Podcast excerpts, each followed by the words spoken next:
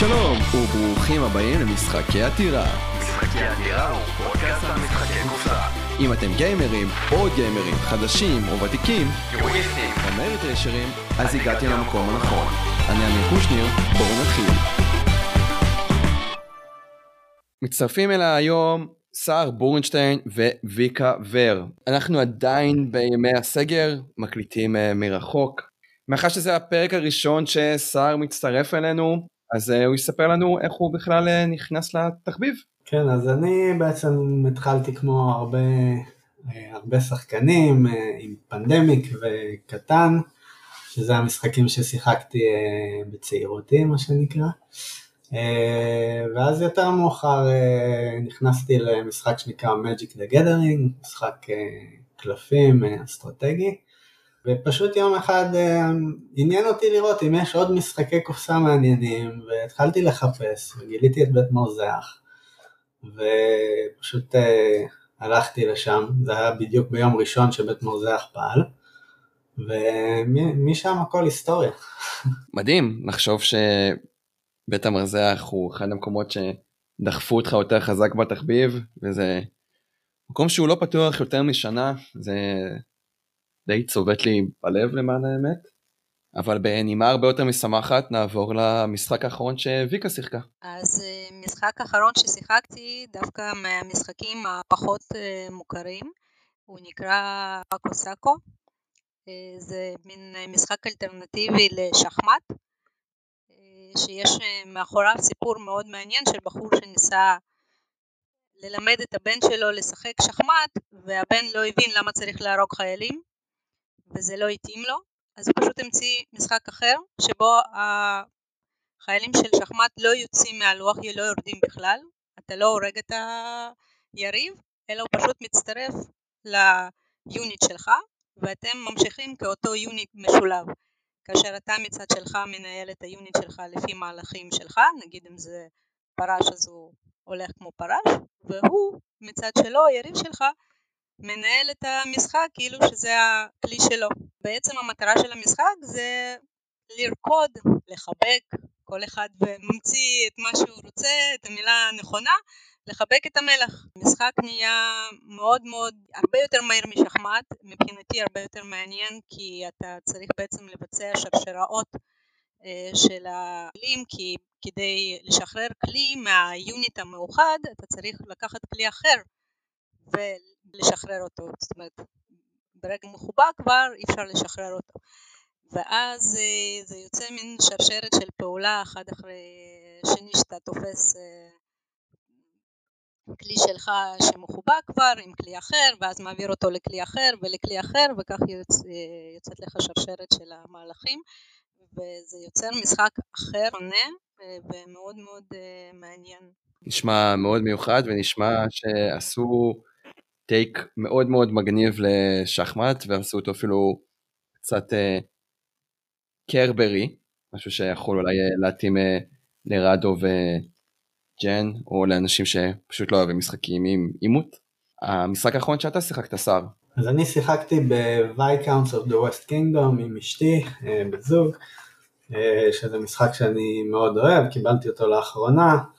אה, זה המשחק השלישי בעצם בטרילוגיה של ה-West Kingdom של, אה, של פיליפס אה, והוא בעצם משתמש במכניקה של deck building עם טבלו, כזה טבלה שבעצם כל פעם בוחרים לשים קלף אחד והקלף הזה הוא קובע כמה צעדים בעצם אתה תצעד במין רונדל כזה שבעצם בכל מקום אפשר לעשות בו כל מיני פעולות. אה, והקלף אה, יש עליו סמלים גם, ובעצם לפי הקלפים שיש בטבלה, זה בעצם אה, הפעולה שאתה יכול לעשות, וככל שיש לך יותר סמלים מאותה פעולה, אז אפשר לעשות את הפעולה בצורה יותר טובה. וזה מאוד, משחק מאוד מרתק, אני ממש... Viscounts of the West Kingdom זה אחת הרכישות האחרונות שלי של 2020 שעדיין לא הגיע אליי, זה איפשהו תקוע עם המשלוח של דיל טס, ו... עם עכשיו, עם הסגר על אה, בן גוריון, על השדה תעופה, זה לא מעודד אותי כל כך, אבל אה, נקווה לטוב. המשחק האחרון שאני שיחקתי זה Lorenzo il Magnifico, לורנצו המפואר, שזה קורה לו אי שם בעיר אה, פירנצה, אנחנו משחקים אה, משפחות של אצילים תחת השלטון של אה, לורנצו. איטליה הייתה מורכבת מנסיכויות אפשר לקרוא לזה ערי מדינה. וזה משחק worker placement עם סוג של טוויסט כל תחילת סיבוב. אחד השחקנים זורק קוביות ולפי ה pipsים של הקוביות זה העוצמה של העובדים שלך.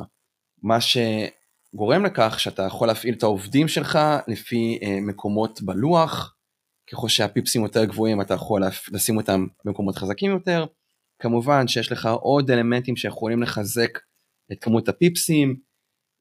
ניהול משאבים, משחק שאתה יוצר בו איזה סוג של אה, בניית מנוע, מאוד טייט, מאוד מאוד קשוח. אם אחרי שני סיבובים אתה לא עומד באיזשהו תנאי מסוים אתה מאבד נקודות או יותר קשה לך לגלגל קוביות או כל מיני עונשים כאלה ואחרים ואני ראיתי רק שלוש מתוך עשרות הקלפים שיש במשחק. אני חייב לציין שמבחינת איכות הפקה יש מקום לשיפור, האומנם זה משחק של אה, כמון, כל מיני עונות, אבל הוא שונה מאוד משאר משחקי המיניאטורות שלהם. ונוט אחרון לעצמי כאמיר, שאני שמעתי עליו דברים אה, די שליליים, אף על פי שהמשחק ממוקם בטופ 100, וזה מנע ממני לשחק אותו, וכששיחקתי אותו מאוד מאוד נהניתי. מבחינתי אחד המדדים להצלחה של משחק זה אם זה משחק שאני מפסיד בו ואני עדיין נהנה ממנו ואני עדיין רוצה לשחק בו, או אפילו נמצא במקום לא רע בווישליסט שלי, אם אני אראה אותו במחיר טוב, אני לגמרי אלחץ על ההדק. זה אחד המשחקים שאני מת לשחק כבר הרבה מאוד זמן, אה, נשמע משחק שאני דווקא ממש אוהב, עוד לא יצא לי לשחק, אני מקווה שיצא לי בקרוב. בהחלט, זה משחק שכל חובב יורו, כל חובב worker placement, חייב את זה לעצמו. מפה נעבור באמת לנושא של הפרק, אנחנו כל חודש מעלים פרק שבו אנחנו מתמקדים באחד המעצבים בתעשייה, והפעם אנחנו מדברים על מישהו שהוא לא רק מעצב, אלא גם מוציא לאור, ג'יימי סטגמייר, שהוא גם הבעלים של חברת סטונמייר, למי שפעם ראשונה איכשהו שומע את השם הזה, חברת סטונמייר עומדת מאחורי משחקים כמו Euphoria, Scythe, Wingspan, אם תסתכלו בטופ 100 ב-BGG תראו כמה וכמה מהכותרים שלהם. ועוד יש לנו הפתעה קטנה, ג'יימי הכין לנו מסר, בוא נשמע אותו. Hey, this is Jamie at Stonemeyer Games. I was invited by Amir at the Castle Games podcast to join you for a few minutes to say hi, uh, to introduce myself as uh, the lead designer and owner and publisher at Stonemeyer Games. Um, and to answer a few questions from Sar and Vika. Thank you, Sar and Vika, for your questions. And also, thank you to the gaming community in Israel for playing our games and being interested in what I might have to say today. So, I uh, one other part of the uh, introduction is I should say Stonemeyer Games is most known for Scythe and Wingspan. I am the designer of uh, Scythe, Viticulture, Euphoria, uh, Charterstone and Tapestry. Those are the games of ours that we published so far that I am the designer of. We also have five games that uh, that I'm not the designer of that we've published, including Wingspan. So the first question is why and how did I become a board game designer? I actually have been designing games ever since I was a kid, just for fun. And then in 2011, I decided to take that hobby and explore Kickstarter with it because I saw games being successful on Kickstarter and I thought, you know, I have this entrepreneurial spirit and I love designing games. I will um, give Kickstarter a try. And so that was when I became a published game designer when Viticulture su- successfully funded in 2012 on Kickstarter. The next question is How do you pick games that you are going to publish? We have a submission form on our website where anyone can submit a game that they have fully designed. So we're not looking for ideas. We're looking for games that people have already spent a lot of time on, working on design, making sure it's fun, playtesting it, that sort of thing. And then we have a bunch of requirements. We look for event games, so games that are kind of the main feature of a game night. We look for games that can be played as few as one player and as many as five or six players. So if a game only plays for like between two and four players, we're not interested in it. I play games that way, but it's just not part of our submission process. And there's a bunch of other requirements there. You can check out the submission guidelines on our website if you're looking for a publisher for your fully designed game. The next question is How do you pick the creators you're going to work with? So that's part of the submission process, too. So, one of the things we do if there is a game that fits our guidelines, that's submitted to us, and we are interested in it, um, we often ask the creator some questions, the designer some questions, and sometimes we give them some constructive criticism to see how they respond. Do they get really defensive? Do they say yes to everything? Or is there a nice middle ground where they explain uh, why they made some decisions and they seem receptive to our feedback, but don't necessarily say yes or no to everything? Um, so that's how we find out if we think we'll like working with the designer. Uh, the second to last question, two more questions here, is which game are you most proud of? And this is a really difficult question to answer because I'm proud of all of our games for different reasons. I'm proud of Wingspan because it's designed by by a wonderful woman, our first uh, game designed by a woman uh, that we've published. I think that's wonderful. It's also done very well for us and for Elizabeth Hargrave, the designer. So I, I love that. I'm proud of Viticulture because it's the first game that I published. I'm proud of Between Two Cities because it's the first game we published from uh, a designer who isn't me, from an outside designer designer. All of our games have a story like that. That's something that I'm proud of uh, for that game. In fact, I'm a proud I'm proud of a lot of different things for all of our games. So that's a really hard question to answer. Last, which game did you wish you had created? Yeah, I actually have a YouTube video about this, uh, a video that goes into kind of the top 10 maybe even more games that uh, that fit into our submission guidelines and that I really really love and that I probably would have considered as a publisher. I uh, actually I didn't watch the video in preparation for this question, but I think one of the ones that comes to mind is a game called Orleans from Tasty Minstrel Games. That is a game that fits pretty much all of our submission guidelines, and it's just a really really wonderful bag building game. So that's one that that I probably would have published if I'd had the opportunity to do so because it's just such a great game. Thank you, Sar and Mika, for, uh, for uh, Vika, sorry, not Mika, Vika, Sar and Vika for all these questions. And Amir, thank you for this opportunity. I hope you're all, you're doing great in Israel. And um, congratulations for the one year anniversary, the birthday, the podcast birthday for Castle Games. All right, take care. Bye. אוף, מדהים, מדהים. אני מודה בעברית לג'יימי, וגם שלחתי לו אימייל תודה, אני סופר מעריך את זה, זה גורם לפודקאסט להרגיש קצת יותר חי, ואם תהיה היענות אפילו נוכל לעשות איתו איזה Q&A. מפה נעבור לאורחים שלנו. אז אה, ג'יימי, אה, מי שלא יודע, מעבר לזה שהוא מעצב משחקים, הוא ממש אה, גיימר רציני. הוא מעיד על עצמו שהוא גדל במשפחה שמשחקת, וכמעט כל חייו הוא בעצם עיצב משחקים, גם בילדותו. הוא יזם בנפשו, הוא... כל התפקידים בעצם שהוא עבד בהם לפני שהוא התחיל את סטונמאייר, שתכף נדבר על זה, בעצם הובילו אותו בעצם להיות כל כך מוצלח במה שהוא עושה. יש לו תואר של אה, עסקים בינלאומיים וגם תואר ביפנית. הוא עבד כמלצר, אז הוא למד משם אה, שירות לקוחות, הוא למד לנהל פרויקטים כשהוא עבד בתור מנהל פרויקטים, הוא היה אחר כך מנהל תפעול, אז הוא למד גם איך לנהל אה, אנשים, ולפני כן, בטח אנשים לא יודעים, אבל היו לו שני עסקים, הוצאת, הוצאת אה, ספרים אה, שהוא בעצם אה, מכר אותה אחרי מספר שנים ועוד איזשהו עסק קטן. ג'ימי, בנוסף להיותו גמר מושבע, יש לי כמה דברים מעניינים עליו ועל הילדות. הוא ילד מאומץ, הוא מדבר על זה המון וזה עוד נושא נוסף שהוא מדבר עליו ויש לו בלוג די מפואר והוא מאוד מקדם, מקדם את הנושא של אימוץ הוא מאוד מודה להורים שלו על זה שלא התירו את זה ממנו ואפילו כתב אה, איזושהי כתבה שהייתה מאוד מפורסמת ב-2009, אה, Adapting Me, אה, מודה מאוד להחלטה שאימא הביולוגית שלו לקחה למסור אותו והוא תמיד אומר שבזכות האימוץ הזה הוא נהיה מישהו זה עוד נושא שהוא מקדם ומאוד פתוח לדבר עליו גם עם האנשים שאימצו או מתכוונים לאמץ ילדים וזה משהו מאוד יפה שראיתי והתרשמתי מאוד. גם בנוסף, בנוסף לקטע האישי, כל הנושא של קיקסטארטר מאוד מעניין אותו מה...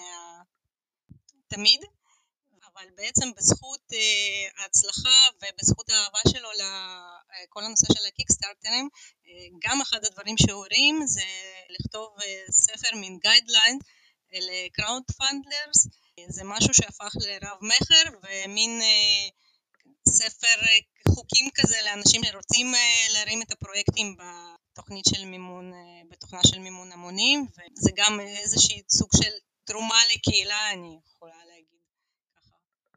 זה אני חושב ההתחלה הכי חזקה שהייתה עד היום לפרקים על מעצבים. אני עם צמרמורת עם המידע שסיפרת שהוא ילד מאומץ והוא מודה על זה ואפילו כתב על זה ספר וואו בהחלט אה, התחלה טובה אז אה, בואו נעבור למשחק הראשון שלו. אוקיי אז ב-2011 בעצם הוא התחיל אה, להתלהב מהרעיון של, אה, של crowdfunding של מימון המונים אה, מקיקסטארטר. הוא אהב את זה שאפשר לדעת בעצם מי הלקוחות שלך, אפשר לתקשר איתם בצורה יחסית ישירה, ואפשר ממש לבנות קהילה, אז הוא התחיל לעצב בעצם מספר משחקים, כשבסופו של דבר רק משחק אחד הגיע לשלב הסופי ולקיקסטארטר, שזה היה Viticulture. זה המשחק הראשון שלו, הוא עבד עליו לבד לחלוטין, הוא עשה playtesting עם חברים, וויקה, את רוצה לספר על Viticulture? יכולה רק להוסיף לפני זה, כשהוא תכנן את ה Viticulture וחשב איך הוא הולך להוציא את זה והאם בכלל, אז מי שנתן לו השראה ללכת דווקא על הנושא של הקיקסטארטר זה לא אחר אלא ריין לוקוט, שזה המעצב האהוב עליי. אוקיי. ויטיקלצ'ר הוא משחק של השמת עובדים, שבעצם כל אחד אה, מתחיל עם מספר מצומצם של אה, עובדים, אה, ועובד אחד שנקרא גרנדה, עובד גדול, והשחקנים בעצם בונים אה, יקב, מנהלים יקב, כשאפשר בעצם לעשות סיורים ביקב, לייצר יינות מסוגים שונים, כשבסופו של דבר המטרה היא להפוך כמובן את כל הדברים האלה לנקודות. מה שמעניין שם זה שיש מספר מאוד מוגבל של מקומות ואפשר המקומות נתפסים מאוד מאוד מהר, וברגע שמישהו שולח אה, את עובד ה grande שלו, הוא בעצם יכול לתפוס מקום שכבר תפוס, שזה נחמד. אתה שיחקת ב Viticulture? כן, שיחקתי בו מספר פעמים. אה, דעתך עליו, מה אתה חושב עליו? משחק אה, מעולה, יש בו המון רנדומליות של קלפים, יש קלפי משימות שונים שיוצאים, הקלפים של ה... של בעצם של הכרמים שבונים הם גם שונים מאוד, אז כל פעם בעצם יש סוג של פאזל אחר שצריך בעצם לפתור, ובעצם בסופו של דבר הניצחון אה, נקבע על ידי מי שמגיע ל-20 או 25 נקודות, אני לא זוכר אם זה עם ההרחבה של טסקני או לא, אז זה גם מאוד שומר על המתח, ככה מי, מי יגיע הראשון, מי יפעיל את הטריגר של המשחק, אה, זה ממש שומר על מתח לכל האורך וזה משחק פשוט נפלא. אני שיחקתי ב Viticulture לפני שנתיים שלוש אני לא באמת זוכר. אני רק זוכר שמאוד התלהבתי מהמכניקה של הפאפא שהוא יכול אה, לדחוף. מה שכן הרנדומליות של הקלפים קצת אה, ביאסה אותי כי זה לא גורם לי להיות שחקן פחות טוב משחקן אחר על זה שהוא שלף קלף שיותר טוב משני. עוד משהו שלדעתי מאוד מעניין במשחק זה שבסופו של דבר אתה יכול לנצח את המשחק בכלל מלעשות דברים אחרים ולא רק מליהנות אה, על ידי המבקרים, על ידי גבינות וראוי לציין שאני לא שיחקתי עם, עם, עם הרחבה של טוסקני אז uh, קחו את הביקורת שלי with a grain of salt. ב-2012 uh, בעצם כשהוא השיק את ויטיקלצ'ור uh, אז uh, לקח לו שבועיים עד שהוא מומן, שהיום זה נשמע המון זמן עד שמשחק מומן, אבל באותה תקופה זה היה סך הכל מקובל, והוא גייס בקמפיין הזה 65 אלף דולר, כשהיום סטון מאייר גיימס עומדים כבר על מחזור מכירות של 10 מיליון דולר.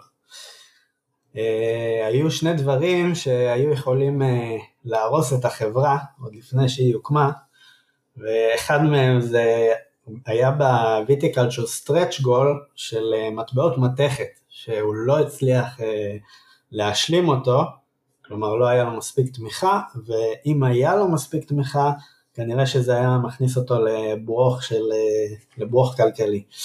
והדבר השני זה שהוא כמעט עשה משלוח בינלאומי, כולל כאילו לכל המקומות, ואם הוא היה עושה את זה הוא כנראה היה מפסיד המון המון כסף על זה. ובסופו של דבר עלה לו רעיון של להשתמש במרכזי חלוקה, שזה אומר בעצם מרכזים שונים בעולם שהם יקבלו את המשחקים, יארזו וישלחו אותם משם. Uh, היום זה משהו שנחשב uh, ברור מאליו, יש את זה ברוב הקיקסטארטרים, אבל הוא סוג של המציא את זה, באותה תקופה זה לא היה, זה לא היה מקובל, וזה בעצם uh, אחד הרעיונות שלו שהוא ממש השפיע מאז על כל תחביב אפשר להגיד. אה, אחר כך ב... נלך לשנת 2013, ב-2013 יצא המשחק אה, יופוריה, עלה הקיקסטארטר אה, שלו והוא גייס יותר מ-300 אלף דולר. הוא עדיין עבד במשרה מלאה, אז הוא היה חייב לבקש מהבוס שלו יום חופש, ושישלם לו 20% פחות רק בשביל שהוא יוכל לעבוד על, ה... על הפרויקט. Euphoria זה משחק אה, שהוא סוג של השמת עובדים, אה, אבל הוא משתמש פה בקוביות, זה סוג של dice placement, השמת עובדים בצורה של קוביות, שהמנגנון אה, המעניין במשחק הזה הוא שהעובדים בעצם אתה צריך להחזיק אותם כמה שיותר טיפשים, הם משתמשים בחוכמה כעיקרון, בטרק של חוכמה, שככל שהעובדים שלך יהיו יותר חכמים אז הם יברחו ואתה בעצם תאבד עובדים. אז במשחק הזה המטרה שלך זה להוציא, הראשון שישתמש ב... יש שם מין עשרה כוכבים כאלה, אז מי ששם את העשרה הכוכבים הוא המנצח, ויש מין רייס כזה שאתה מטייל בלוח ומשתמש בעובדים שלך, דואג שהם לא יחכימו מדי אה, כדי אה, שלא תאבד אותם בעצם. אה, משחק שהוא יחסית מורכב לאותם זמנים של 2013 לדעתי והוא מביא דברים חדשים איתו של שימוש בטרקים שונים של חוכמה ורפיוטיישן שהם חוזרים על עצמם אחר כך הרפיוטיישן והכוכבים בסייט לדעתי, יש הרבה אה, דברים חופפים שם. בתחילת התחביב שלי ככה ב... לא יודע באיזה פעם זה היה, אבל ממש בפעם, שלושה פעמים הראשונות שהייתי בבית מרזח, אה, ככה חיפשתי, זה היה השלב שכל הזמן חיפשתי לשחק משחקים חדשים, כל דבר שהציעו לי כמובן אמרתי כן, ומישהו הציע לי לשחק ביופוריה, וכמובן ששמחתי לשחק במשחק חדש שלא הכרתי, ואני זוכר את זה כאחת החוויות הכי מזעזעות שהיו לי בתחביב עד היום. הבן אדם שהסביר, אה, לא, לא יודע אם הוא לא הסביר טוב, פשוט אני הייתי מוקדם מדי בתחביב, פשוט לא, לא הבנתי כלום מה אני אמור לעשות. כל המשחק הסתכלתי על כולם וניסיתי להבין מה, מה בעצם אני אמור לעשות פה, ואיך אני אמור לנצח. וזה היה, באמת אני זוכר את זה עד היום, ואני בטוח אבל שהיום אם הייתי משחק במשחק, עוד לא יצא לי, אבל אני אשמח, אני די בטוח שאני אוהב. אז אני לא שיחקתי יופוריה, הוא נשמע לי משחק אה, מאוד מעניין. אני אשתדל לשחק אותו עם ההרחבה שמתקנת את בעיות האיזון, שמצחיק שזה אותו דבר שסבל גם ויטיקולצ'ר, אבל אה, מבחינת תמה הוא נשמע משחק מאוד מאוד מגניב, אוטופיה, עתידני, וזה גם אה, כמו שסער ציין בהתחלה, שג'יימי רצה לייצר משחק לא עתידני ועכשיו הוא מצייר משחק עתידני, זה מאוד מגניב הכיוון הזה שהוא לקח, זה נותן קצת יותר עומק לדמות שאנחנו מדברים עליה. עוד כמה דברים שקרו ב-2013, הוא גם התחיל אה, מסורת של אה, מכירות פומביות, אה, שהוא תרם בעצם את כל ההכנסות לצדקה, מאז הוא עושה את זה פעם בשנה, הוא בחר בעצם עשרה בלוגרים, הם בחרו לאן הוא יתרום את הכסף, ואז עשו מכירה פומבית של עשרה עותקים של יופוריה, וכל הכסף בעצם נתרם לארגוני צדקה, ומאז בעצם הם תרמו מעל 40 אלף דולר לצדקה רק מהפרויקט הזה. אה, עוד דבר זה שבסוף 2013 הוא בעצם התחיל לעבוד בסטון מאייר במשרה מלאה, לפני כן הוא בעצם לא קיבל שום כסף, הוא לא לקח לעצמו שום משכורת מזה, הוא בעיקר עשה את זה בשביל הכיף, ואני יודע שלפני שנה לפחות, אולי זה נכון אפילו לעכשיו, הוא בעצם העובד אה, היחיד במשרה מלאה אה, בחברה, הוא עובד בין 60 ל-70 שעות בשבוע. 2014 יוצא לו קיקסטארטר של טוסקני, הרחבה לוויטיקולצ'ר, מרחיבה את המשחק, מוסיפה עוד אלמנטים, לצערנו אף אחד מאיתנו לא שיחק במשחק, ונעבור ל-2015 כאשר יוצא Between Two Cities. Between Two Cities זה אה, משחק אה, חדשני, ב-2015 מוצאים אותו, עם ארט מכוער מאוד, אה, שזה גרם לי לא לקנות אותו ואני מודה להם על זה. זה משהו שהוא מאוד חדשני וזה משהו שגם אה, ג'יימי אומר בעצמו שמה שהם מחפשים בתור אה, חברה זה לייצר משחקים חדישים בשוק, משהו שעוד לא קיים או נושא שעוד לא היה, או איזושהי מכניקה משולבת, או איזשהו משהו שהוא ממש יהיה מרענן ושונה, ו Between Two Cities באמת מגיע עם משהו מאוד מאוד חדש. זו, זה משחק בעצם סוג של שיתופי, אבל כל אחד בפני עצמו. אתה בונה עיר ביחד עם שחקן שיושב לידך, אה, עם שחקן אחד משמאל ועיר נוספת עם שחקן אה, אחר מימין, אה, וזה בעצם tile placement. זה משחק שהוא, אני אקפוץ שנייה בשנים, עובר אימפלמנטציה ל-Between Two Castles ב-2018 ששם אה, הם אה, לוקחים אה, את Bezier Games שהוציאו את, את Castles of Mad King Ludwig, לוקחים את הסיפור של בניית הארמון למלך ומעבירים את זה, מחברים את זה עם מכניקה של Between Two Cities ויוצא להם משחק מאוד מאוד יפה של שאתה בונה בעצם כבר ארמון יחד עם, שוב פעם, עם שכן שלך מימין ושכן שלך משמאל, יהיה לכם אה, תשעה אה, טיילים ביד, אז אתה בוחר שני טיילים, אחד אתה בודק עם השכן שלך מימין אה, איזה טייל לשים בארמון שלכם, ואז אתה גם מתדיין את זה עם שכן שלך משמאל, ואז אתה, כל אחד יוצא עם אה, שני ארמונות, כאשר אה, מה שקובע בסופו של דבר זה הארמון שלך שקיבל הכי פחות נקודות.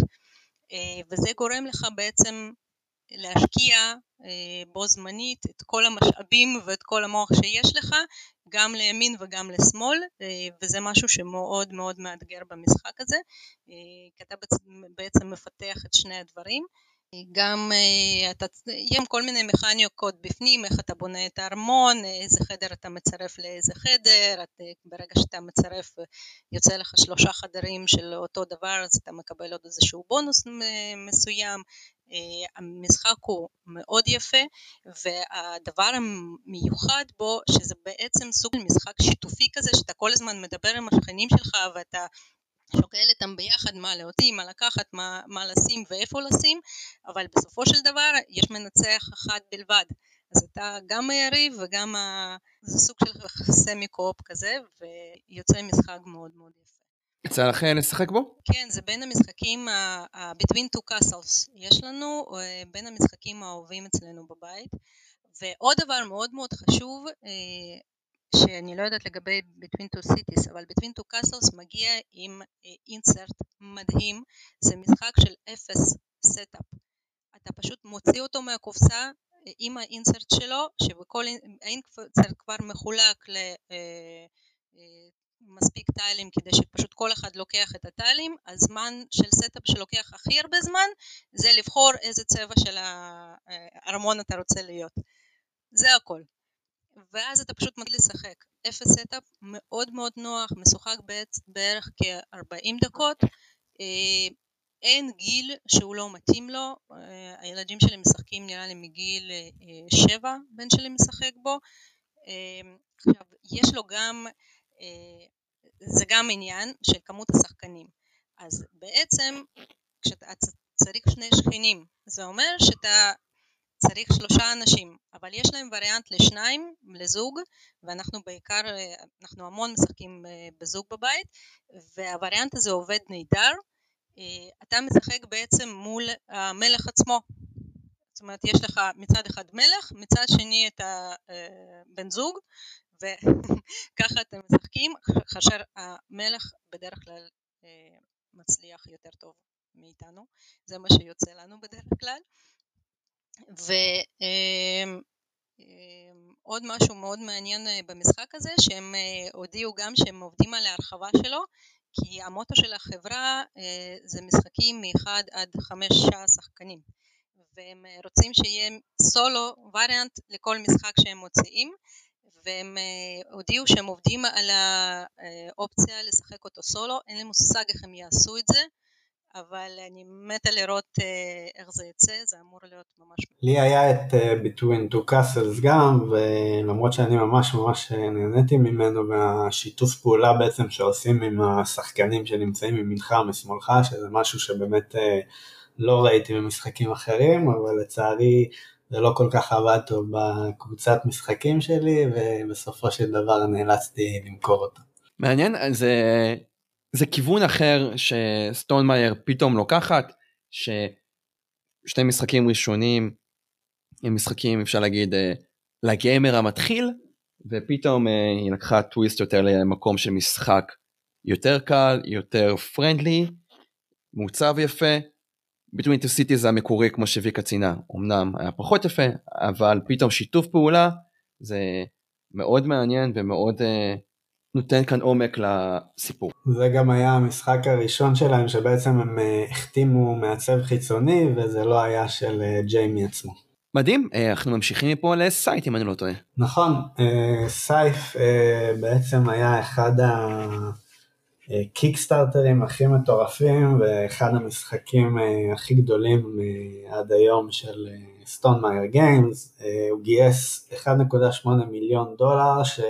היום אנחנו רואים אה, הרבה משחקים שמגייסים כאלה סכומים, לא הרבה, אבל יש איזה כמה משחקים בשנה, אבל באותה תקופה זה היה סכום אה, אסטרונומי, זה לא היה מקובל. וזה גם, אה, הוא החליט בעצם שזה גם יהיה ה Kickstarter האחרון, למרות שהוא גייס כל כך הרבה כסף, כי זה גבה ממנו כנראה הרבה מאוד זמן, זיעה וזמן. והוא החליט שזה באמת יהיה ה Kickstarter האחרון. זה אחד הדברים שאני הכי מעריך את Stonemaier Games ואת אה, ג'יימי ספציפית, שהוא לקח החלטה, הוא רואה אפילו לאן השוק הולך. Scythe באותה תקופה, כמו שציינת, הוא היה פרויקט משוגע, הוא גייס המון, הוא עשה המון, וג'יימי מחליט כאן החלטה מאוד מאוד אמיצה. זה גורם לי מאוד להעריך אותו, שאפשר לראות היום חברות ענקיות. רצות קמפיין אחרי קמפיין אחרי קמפיין וג'יימי מחליט לפעול דווקא אחרת הוא יכל אפילו להמשיך לרוץ עם הפלטפורמה הזאת ולגייס מיליוני דולרים ולהמשיך בטרנד ה... שאני פחות מחבב אבל הוא באמת רואה כאן את הצרכן הוא באמת רואה כאן את הקהילה והוא גם מצליח לייצר באז אני זוכר ש... אנחנו ניגע בווינגספן כשווינגספן יהיה אז אני אעצור פה. נושא של אה, יחס שלו לקיק הוא אמר שהוא כרגע במצב שהוא מאמין שהוא מסוגל להביא לקהל של המעריצים שלו מוצר מוגמר בלי שהם ימתינו עשרה חודשים ובלי לעשות אה, מלא רעש סביב זה. וזו באמת החלטה מאוד אה, אמיצה. ועוד משהו מאוד מעניין שאני נורא התרשמתי ממנו אה, יחס לתוכן אקסקלוסיבי שכל כך אה, משיקי קיקסטארטרים אוהבים אה, לפרסם ולתת הוא מתייחס לכל התוכן האקסקלוסיבי האחרת, ג'יימי עצמו, הוא אומר שהוא נגד כל הנושא הזה כי הוא לא רוצה, רוצה להכניס יותר אנשים למשחק שלו ולא להוציא אותם. ובעצם בזה שהוא נותן את התוכן אקסקלוסיבי למישהו אחד, הוא מוציא את מישהו אחר ולא נותן לו את האפשרות לקבל את זה. לכן התוכן שלהם, של כל המשחקים, הוא תמיד זמין. ומפורסם והם מאוד מאוד דואגים להשלים תוכן שחסר ואו אם משהו יוצא נוסף למשחק תמיד יש אפשרות לרכוש את זה מהחברה. ובנוסף הייתה איזושהי התכתבות שראיתי של מישהו שהתלונן שדווקא החנות שלהם לא מצליחה לקבל את המשחקים שלו, אז ג'יימי בעצמו דיבר עם בעל החנות ודיבר עם ה... לא יודעת מה, הנמל שם כדי שיעבירו להם ודאג שהחנות הזאת ספציפית הקטנה באיזושהי עיר הקטנה תוכל לקבל את הדברים שלהם ואני חושבת שזה ממש... טייף בעצם זה משחק שהוא בעצם במציאות אלטרנטיבית שהמשאבים מאוד נדירים ו...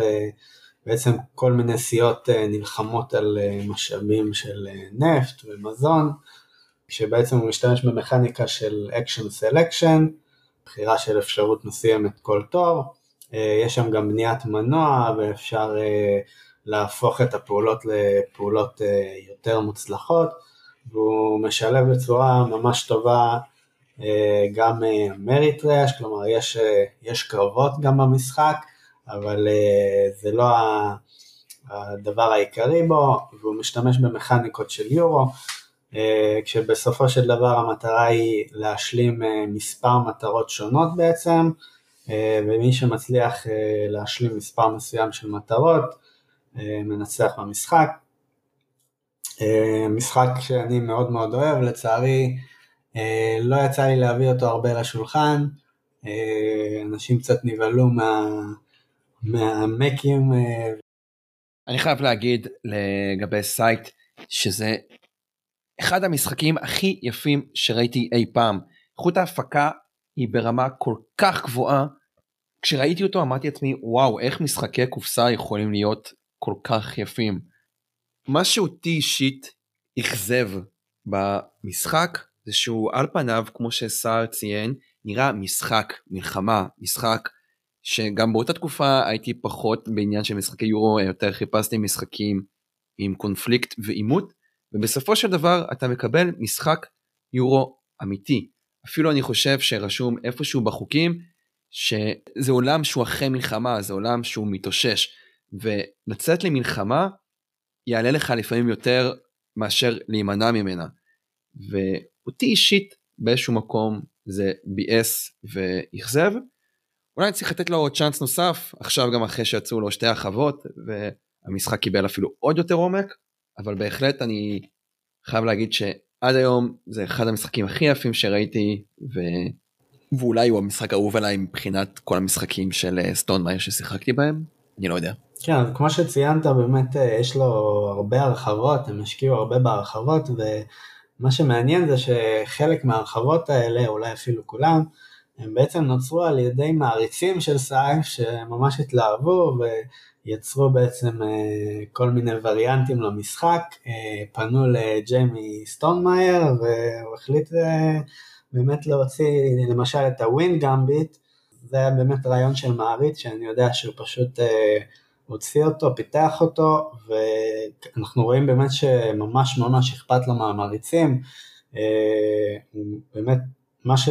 חשוב לו בעצם זה שאנשים ייהנו מהמשחקים בסופו של דבר. מה שמעניין במשחק זה בדיוק, אמיר, מה שאתה ציינת, הרבה אנשים אה, היה מין אה, באז כזה סביב המשחק שהוא ממש לא מה שהוא מתיימר להיות וכולם חשבו שזה יהיה משחק מלחמה כזה חזק והארט האפור הזה ממש מעודד את זה והמחים הגדולים והתאכזבו ממנו הסתכלו עליו כמשחק מלחמה. אבל הוא בעצם יורו ענק עם המון אפשרויות ואני חושבת שיש את השאלה שרצה פה ושם בכל מיני קבוצות אם לא יודעת מה אתה נשאר על אי בודד איזה משחק היית לוקח איתך? אני חושבת שזה יהיה המשחק כי כמה ששיחקנו בו אני לא מצליחה עדיין להגיד לך אם אני מקבלת את יש הרי שילובים של הפקציות ושל ה player mat שלך, ושילובים כל הזמן משתנים, ואז אתה צריך ללמוד כל פעם מחדש איך אתה מנצל את מה שיש לך. אז בעצם אני לא הצלחתי ללמוד את זה עד הסוף עדיין, ועם ההרחבה שזה עכשיו זה לא חמישה אלא שבעה, וכל השילובים שהם יוצרים מבחינה סטטיסטית, כל האופציות פשוט בלתי נתפס ואין סוף משחקים מצפה כדי ממש להבין לעומק וללמוד את המשחק וכל פעם שמסיימים את המשחק אני אומרת טוב נו אני אנסה פעם הבאה אסטרטגיה אחרת, פעם הבאה אסטרטגיה אחרת. והוא פשוט אינסופי מבחינת החקר ואסטרטגיות לדעתי. מדהים, אז אחרי Scythe שהיה המון המון דיבור עליו בקהילה, זה בערך מתי שגם אני נכנסתי לקהילה, ואני זוכר גם שממש אנשים כל הזמן התווכחו בינו לבין Terraforming Mars, הזכיר הרבה נשכחות. מפה אנחנו ממשיכים למשחק הבא, שהוא? 2017 הוא מוציא את Charterstone, שזה משחק ליגאסי גיים, פעם ראשונה שהם מוציאים משחק בסגנון הזה, וגם כאן הם מנסים לעשות משהו שהוא שונה, וזה בעצם ליגאסי גיים הראשון, אני לא יודעת אם הוא יחיד, שיוצא, שאתה יכול להמשיך להשתמש בו אחרי שאתה מסיים את הקומפיין. זה בעצם אתה מקבל בלי לעשות יותר מדי ספוילרים, יש לכם מפה ואתם מתחילים לבנות את ה... וזה משחק של worker placement נטו שבו אתם בונים את הכפר לכם ורוצים להיות כפר הכי טוב בשביל מלך ובונים אותו כל פעם, כל ש... יש מלא צ'פטרים, נראה לי 12 אם אני לא טועה ואתם פשוט עוברים אחד, מאחד לשני ומקבלים עוד ועוד דברים חדשים וזה נשאר בעצם מכניקה של worker placement רק כל מיני דברים מתווספים לשם ובסופו של קומפיין יש לכם מפה משלכם שהקבוצת המשחקים שלכם בנתה אותה וניתן להמשיך ולהשתמש באותה מפה ולשחק אותו כמשחק worker placement רגיל או לחילופין לקנות ריצ'רד שפר בשבילו ולהפוך את המפה ולשחק את הקומפיין מההתחלה. המשחק הוא עד שישה שחקנים, אנחנו שיחקנו אותו בארבעה ורצינו לעשות מפה כזאת משפחתית והכיף שאתה נותן שמות לכל מיני דברים ולקלפים ולמפה ולמקומות שאתה מגיע אליהם הוא משחק די מעניין אבל הוא, אני לא רוצה להשוות אותו חלילה לפיסטופודין אבל יש בו בסופו של דבר יש מלא הקסים כאשר אתה מגיע לכל הקס זה פעולה. זה מין תארו לעצמכם מפה של Scythe שכל hex זה משהו אחר. אתה שם worker placement ואתה worker שלך ואתה יכול לבצע איזושהי פעולה שזה המון מקומות ואני רק חושבת אם אני ארצה להציג את המשחק למישהו אחר אחר כך נגיד שנשחק כבר במפה מוכנה אני לא רואה איך בן אדם יכול לקלוט בכלל מה קורה במפה הזאת כי זה יוצא ממש ממש עמוס זאת הטענה היחידה שלי למשחק אבל כחוויה זו באמת חוויה מעניינת והיתרון המדהים שלה שאתה יכול פשוט להמשיך ולשחק במשחק הזה והוא לא נזרק כמו פנדמיק ליגאסי לצורך העניין שאין לך מה לעשות אחר כך עם המשחק. זה גם משחק שאני ממש הייתי שמח לשחק אבל לצערי לא יצא לי הייתי תקוע עם פנדמיק לגאסי עונה אחת איזה שנתיים ככה ולגאסי צריך למצוא קבוצה שאפשר להיפגש לעיתים די קרובות אז אני ממש מקווה שיצא לי לשחק אותו לאחר הסגר. ואני גם ממליצה לשחק אותו כמה שיותר שחקנים יותר טוב. אנחנו שיחקנו בארבעה, ואם היו שישה זה היה יותר מגניב. חד משמעית. לשחק שישה אנשים משחק לגאסי נראה לי מאוד מאוד שאפתני, אלא אם כן זה לא התא המשפחתי שלך, או אותם אנשים שגרים איתך בבניין. זה היה רגע היחיד בחיינו שאמרנו וואלה חבל שלא הבאנו עוד שני ילדים, זה היה הרבה יותר מגניב. אני זוכר ש Charterstone יצא והוא יצא אחרי Pandemic Legacy לדעתי, ואולי גם SeaFall יצא באותה תקופה, והיה המון המון הייפ והמון המון התלהבות. לדעתי בסופו של דבר הוא קיבל אה, ביקורות יחסית אה, צוננות, מה שמנע ממני באמת ללחוץ על ההדק. בהחלט אה, נשמע מאוד מעניין, וכמו שוויקה ציינה, אם יש לכם שישה אנשים שרוצים לשחק לגאסי ומחויבים לסיפור, לכו על זה.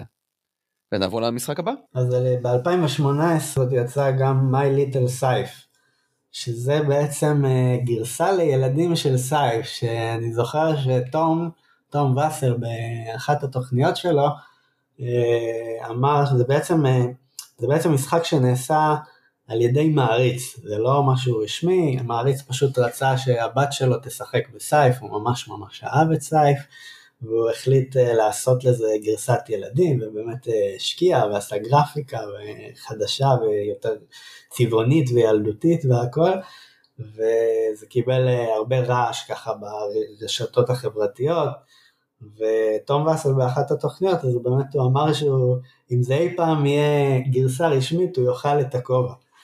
אז זה משהו מצחיק, ובסוף באמת זה הפך להיות אה, משחק רשמי של, אה, של Stonemaier, כמובן שאחרי פיתוח והכל, אבל עדיין סיפור מאוד מאוד מצחיק. תום אכל את הכובע או שזה לא קרה? אז לא, הוא לא אכל את הכובע כי הוא אמר אה, אם, אה, אני לא זוכר את השם של המשחק, אבל הוא אמר אם השם של המשחק הזה יצא וישינו את השם, אז הוא אמר אז טוב אני לא אוכל, אבל אה, כן. יפה, אהבתי מאוד. My Little Scythe הוא, לא יצא לי לשחק, לא יצא לי גם יותר מדי לחקור עליו כי הבנתי שזה בסופו של דבר Scythe לילדים, אבל זה משהו שמאוד מחזק את הדעה שלי לגבי ג'יימי, שהוא מאוד קשוב לקהילה, הוא ראה שיש על זה הייפ, הוא לקח את הפרויקט הזה, עבד כנראה עם אותו יוצר, ובסופו של דבר יש לנו היום Scythe שמתאים לילדים, מבחינת איכות הפקה הוא מהמם, הוא באמת, כאילו זה נראה כמו My Little Pony כמשחק אסטרטגיה, על הכיפאק, סחטן. משחק הבא אנחנו מגיעים כבר נראה לי ל Wingspan. כן ועכשיו אנחנו מגיעים בעצם למשחק שבשנים האחרונות הוא המשחק של Stonemaier שזה Wingspan שזה בעצם משחק של אה, אליזבת אה, הרגרייב שהם החתימו אותה, ג'יימי עזר לה לפתח בעצם את המשחק אה, והוא הפך ממש בן רגע ללהיט ענק. הם, הם לא ציפו כמה הוא יהיה מבוקש והם לא הזמינו מספיק עותקים, היה ממש ממש קשה להשיג אותו בהתחלה. אה, והוא גם אה, זכה בקנר שפיל, שזה פרס אה, גרמני מאוד מאוד נחשב, למשחק גיימרי אפשר לקרוא לזה, בשנת 2019. הוא זכה בכל מה שרק אפשר לזכות לדעתי, בכל מיני ארצות, זה משחק, זה משחק שיש לו המון המון המון המון פרסים, זה פשוט אתה לוקח את הרשימה של פרסים ומגלגל, מגלגל, מגלגל, מגלגל, הם לקחו משחק השנה באוקראינה, בפורטוגליה, באיפה שרק אפשר, גם גולדן גיק נתנו לו, היה הרבה ויכוח סביב זה, ועם כל האהבה שלי לווינספון באמת יש משחקים אחרים שאולי כמה דברים אה, היו יכולים לקחת משחקים אחרים, אבל נראה לי כל אה, פרמטר אפשרי, אה, איפה ש... אה, הוא היה מועמד, הוא לקח. זה משחק בעצם אה, שאנחנו מגלמים אה, אורניטולוגים, כאילו אנשים שמגדלים את הציפורים. יש לכל אחד מאיתנו מין אה, לוח כזה שעליו אנחנו מניחים את הציפורים. כל אחד מקבל חמישה קלפים ביד, כאשר בכל קלף יש כמה דברים, יש ציור של אה, ציפור מאוד מאוד יפה, הארט מדהים של המשחק הזה. בכלל כל הרכיבים שלו הם אה, ברמה גבוהה כמו שסטון יודע לעשות.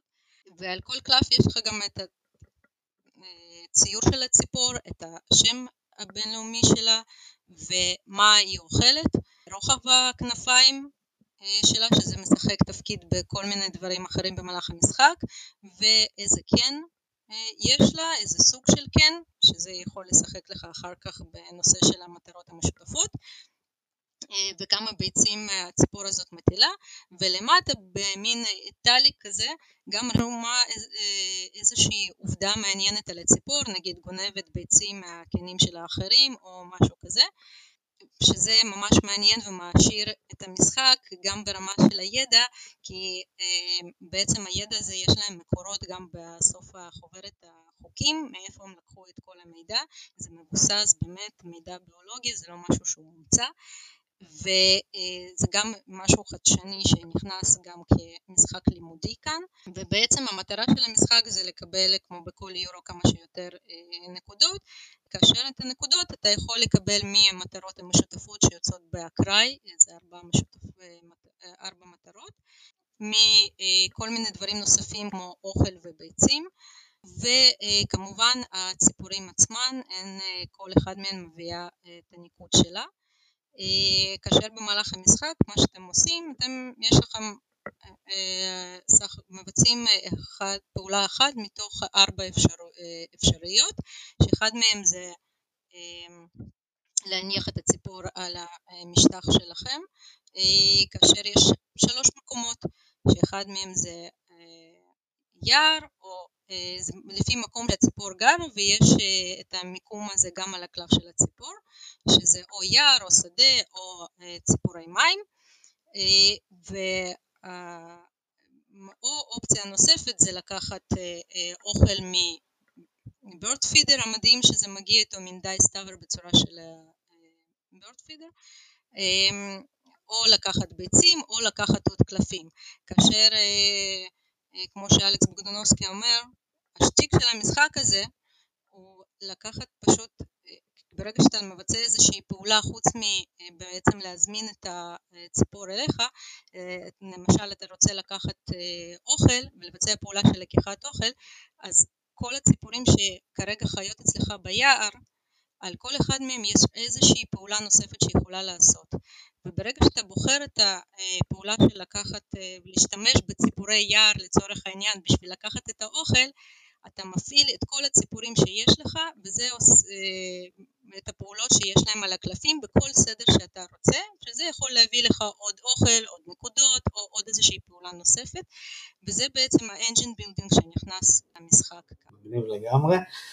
Wingspan הוא משחק שאני ממש ממש אוהב, אני חושב שמאז שנכנסתי ככה ממש ברצינות לתחביב, הוא המשחק הכי משוחק אצלי, שיחקתי אותו עשרות פעמים אה, עם ההרחבות החדשות, אה, עוד לא הספקתי לשחק אותו המון, אבל אה, גם עם ההרחבות, ומה שאני אוהב בו באמת זה מעבר לזה שיש לו נוכחות שולחן ממש ממש מרשימה, הוא, הוא ממש מרתק, הוא כל פעם יוצא בעצם אה, ציפורים אחרות, כל פעם אתה צריך אה, תוך כדי לראות בעצם מה אתה עושה במשחק, זה משחק מאוד מאוד טקטי, אה, הוא בהחלט לא לאנשים שאוהבים אסטרטגיה ככה ארוכת טווח מראש, כי לפעמים באמת לא יוצאים לך הציפורים שאתה רוצה, ואתה צריך לשנות תוך כדי את הטקטיקה ובעצם לבחור משהו אחר, אז בעצם מי שאוהב טקטיקה זה ממש בשבילו. והוא משחק שבאמת אה, חצה ככה גבולות וקהלים והכניס המון המון אנשים שהם בכלל לא, לא היו בעניין של משחקי קופסה לתחביב, הרבה אנשים הגיעו לזה בכלל דרך אה, התמה שלו, הציפורים, כל מיני צפרים, ובאמת אה, אני חושב שהוא אחד המשחקים שבשנים האחרונות ממש הכניס הכי הרבה שחקנים לתחביב, שזה בעצמו דבר שהוא מדהים בעיניי. אז ווינגספן אני יכול להגיד ששמעתי עליו מאוד מאוד התרגשתי ומאוד מאוד התלהבתי. גם פניתי לממלכה עשינו הזמנה מוקדמת מאוד מאוד מוצלחת. אוריאן לא ציפה לכזאת כמות של הזמנות ופתאום היה המון המון הזמנות. מיוחד גם כשהמשחק יצא הוא קיבל אין ספור ביקורות חיוביות ואני קצת בשונה מוויקה וסער מחזיק אה, דעה מנוגדת. אני רציתי לאהוב את המשחק ההפקה שלו היא אחת ההפקות הכי טובות שראיתי, המשחק יפהפה, הארט שלו כל כך אמיתי, אתה מרגיש כאילו אתה צופה במדריך אה, מדריך ציפורים כמו ספר, נתתי למשחק הזה ארבעה צ'אנסים, עסקתי אותו בשתיים, בשלוש, בארבע, בחמש, יש לו גם וריאנט של יותר תחרותי, פחות תחרותי, בסופו של דבר לא התחברתי למשחק, וזה בסדר, יש משחקים שאנשים אוהבים יותר ואנשים אוהבים פחות, עקב האלמנט של הרנדומליות, אני שמח כמו שסער ציין שזה עזר להכניס אה, עוד שחקנים לתחביב. וכמו שוויקה ציינה שזה משחק שהוא לימודי, הוא בסופו של דבר הוא חינוכי, ללמוד על החי, ללמוד על ציפורים, זה, זה אחת הסיבות שרציתי כל כך לאהוב את המשחק, אבל uh, בסדר, כל אחד והטעם שלו. טוב, הגענו ל-2019, ב-2019 אם כבר דיברנו על הפקה, יצא המשחק uh, הכי מופק של Stonemaier Games, שזה Tapestry, שזה משחק uh, ציוויליזציה כזה, והוא יצא עם, uh, עם מיניאטורות צבועות ומפוסלות על ידי אומן, משהו באמת שלא ראיתי באף משחק לפני כן, זה גם קופסה ממש גדולה וכבדה עם כל המיניאטורות, אה, ממש איכות הפקה פשוט מטורפת, אין, באמת אין שום צורך אה, לשדרג שום אה, פריט במשחק, ובעצם ב Tapestry כל אחד בוחר בין שני ציוויליזציות בהתחלה, שזה נותן לכל שחקן איזשהו כוח מיוחד, ובעצם במשחק יש ארבעה מסלולים, ארבעה tracks כאלה, אה, שונים, אה, טכנולוגיה, צבא ועוד שניים, אה, ובעצם מה שעושים בתור זה בעצם מקדמים את הקובייה כל פעם באחד מהמסלולים האלה, כלומר המכניקה עצמה היא מאוד מאוד פשוטה, אבל בסופו של דבר הרעיון הוא שיש המון המון קומבינציות שאפשר לעשות, זה, זה משתלב איך אתה מקדם את הקוביות בכל מסלול ואפשר לעשות כל מיני קומבינות ויש כל מיני uh, טכנולוגיות שמגלים, יש מלא מלא קלפי טכנולוגיות שגם נותנים uh, עוד כל מיני יכולות שאפשר uh, לעשות, ואני ממש אוהב את Tapestry, לא יצא לי לשחק אותו יותר מדי פעמים כי הוא די ארוך, בעיקר לא ניסיתי לשחק אותו בחמישה, ואני די בטוח שאני גם לא אנסה, אבל משחק ממש, ממש כיפי. מדהים, אז Tapestry הוא המשחק האחרון של... יש עוד משחק.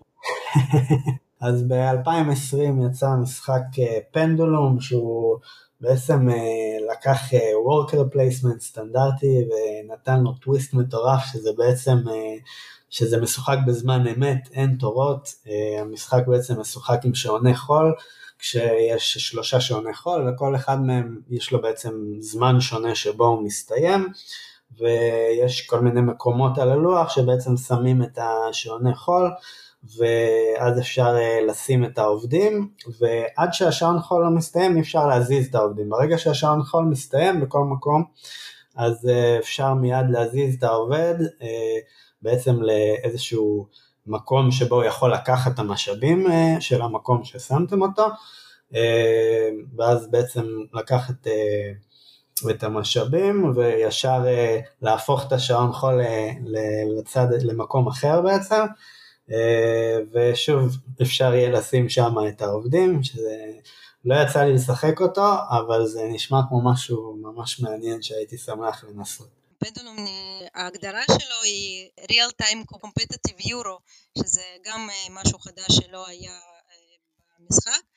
אני קצת פחות מסכימה עם זה שהוא באמת real time, כי כאילו אתה יכול לשנות את זה תכלס, אבל כן, זה מה שהמשחק הזה מתיימר אז אה, כמה מילים על מה שמצפה לנו. ב-2021, אה, הולך לצאת משחק שהשם קוד שלו זה Gold, כרגע אין עליו שום מידע, אה, אבל מה שכן ידוע זה שסטון אה, ג'יימי אה, רכש את הזכויות לספר פנטזיה בשם Red Rising, אה, שבעצם זה מין חברה שיש בה מעבד, מעמדות, אה, כש Gold זה בעצם המעמד הכי גבוה ו Red זה הכי נמוך, הרבה שנים הוא ניסה לעשות לזה משחק ולא הצליח, אז uh, הניחוש שלי זה שיכול להיות שהוא סוף סוף הולך להוציא את המשחק הזה.